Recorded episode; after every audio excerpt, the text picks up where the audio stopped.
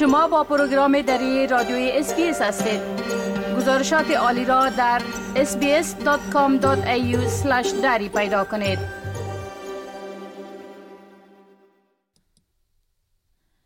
مطالعات صحی نشان داده است که در میان 900 آزمایش تشخیص سرطان رحم در هر سال زنان مهاجر و بومی در استرالیا بیشترین تعداد را نشان می دهند.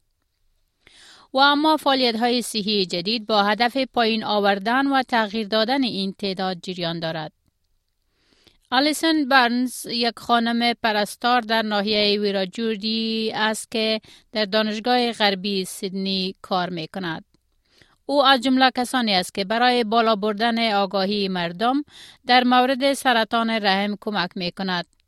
خانم برنز می گوید اگر قرار است اهداف سازمان صحت جهانی را برای ریشکن کردن ویروس پاپیلوم انسانی و سرطان رحم تا سال 2030-2035 برآورده سازیم باید تعداد آزمایشات را برای همه زنان افزایش دهیم. Eradicating human papillomavirus and cervical cancer by 2030-2035 we need to increase the rates of testing for all women. آزمایش سرطان رحم اکنون در مدت هر پنج سال انجام می شود. با امکانات جدید آزمایش خودی خانم برنز این آزمایش خودی را به جای دیگر انواع آزمایشات ترجیح می دهد. آزمایش خودی یا self screening عامل خجالت کشیدن از این آزمایش را از بین می برد و دلیل برای انجام ندادن آن باقی نمی‌گذارد. شما می توانید آن را در خانه و به طور خصوصی انجام دهید. درست مثل انجام دادن آزمایش کووید 19. Self-screening takes away the shame factor. You don't have somebody else looking at you in a more intimate way than you're comfortable with. You can do it at home, in a room, at the clinic, in private. It's just like doing a rat test. هر سال در استرالیا 200 نفر بعد از مبتلا شدن به سرطان رحم جانهایشان را از دست می دهند.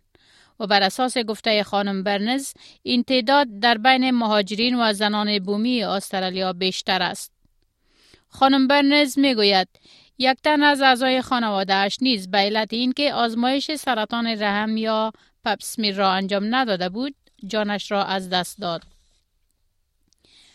زنان بومی در حدود چهار برابر میزان زنان غیر بومی در استرالیا بعد از مبتلا شدن به این بیماری می میرن.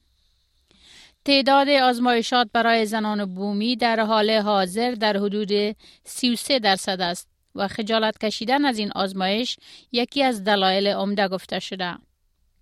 خانم الیسن می گوید Aboriginal women die at about four times the rate of non Indigenous women in Australia. Rates of screening for Indigenous women currently sit at around 33%. There's shame, there's embarrassment, there's just a sense of not wanting a man or a stranger to be exposed to your private parts. کریستی براون یک خانم جوان است که بعد از تداوی سرطان رحم صحت یاب شده است. او با وجود اینکه واکسین وقایوی سرطان رحم را نیز گرفته بود، در 26 سالگی به سرطان رحم مبتلا شد. این واکسین که به نام HPV یاد می شود یگانه واکسین وقایوی برای سرطان رحم است. کریستی از تجربهش در این مورد گفت I was able to have my treatment because I was screened early, go on to have a family, a son, continue my career, but it's, that's all dependent on early screening, early intervention, and early treatment. This does not need to be uh, a disease women are dying from, and it definitely doesn't need to be a disease that's uh, robbing young women of their, their fertility as well. در جریان جهانگیر شدن بیماری کووید 19 اکثر آزمایشات سرطانی متوقف و یا کم شده بود. ولی کرن کنفیل یک پروفسور در اداره جلوگیری از سرطان می گوید کسانی که وقت این آزمایششان رسیده باید این مسئله را جدی بگیرند و آزمایش سرطان رحم را هر چیز زودتر انجام دهند. خانم کرن کنفیل می گوید بعد از معرفی برنامه آزمایش قبلی سرطان رحم و آن هم در هر پنج سال از سال 1991 تا کنون آمار مبتلا شدن به سرطان رحم 50 درصد پایین آمده است. خانم کنفیل می گوید استرالیا یکی از کشورهای پیش قدم برای مبارزه با سرطان رحم است.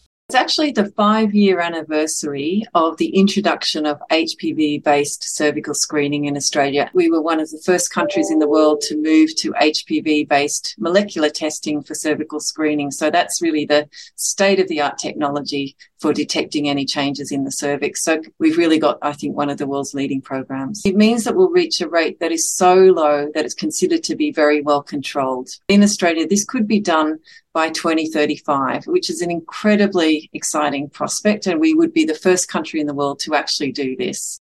او می‌گوید رساندن این پیام به جوامع بومی استرالیا و مهاجرین یک کار پرچالش باقی مانده است. بروک توری باشنده ناحیه بومی نشین درهو یک خانم 34 ساله است که او هم از سالها به این طرف آزمایش سرطان رحم را انجام نداده است. او از تجربهش در این مورد می گوید. So I haven't had a cervical screen for many years now, um, since um, having my first one a long time ago, for the reasons of not finding a GP that I was comfortable with and for the reasons of it being an invasive test. We don't have a trust in the clinical system um, overall, let alone having to go and have these kind of invasive tests done. و اما خانم بروک آزمایش خودی را یک قدم مثبت برای کمک به صدها خانم می داند. او می گوید قادر بودن به اینکه ما می توانیم این آزمایش را در خانه انجام دهیم یک قدم بسیار مثبت در جلوگیری از مبتلا شدن به این نوع سرطان است. می خواهید این گناه گزارش ها را بیشتر بشنوید؟ با این گزارشات از طریق اپل پادکاست، گوگل پادکاست، سپاتیفای و یا هر جایی که پادکاستتان را می گیرید گوش دهید.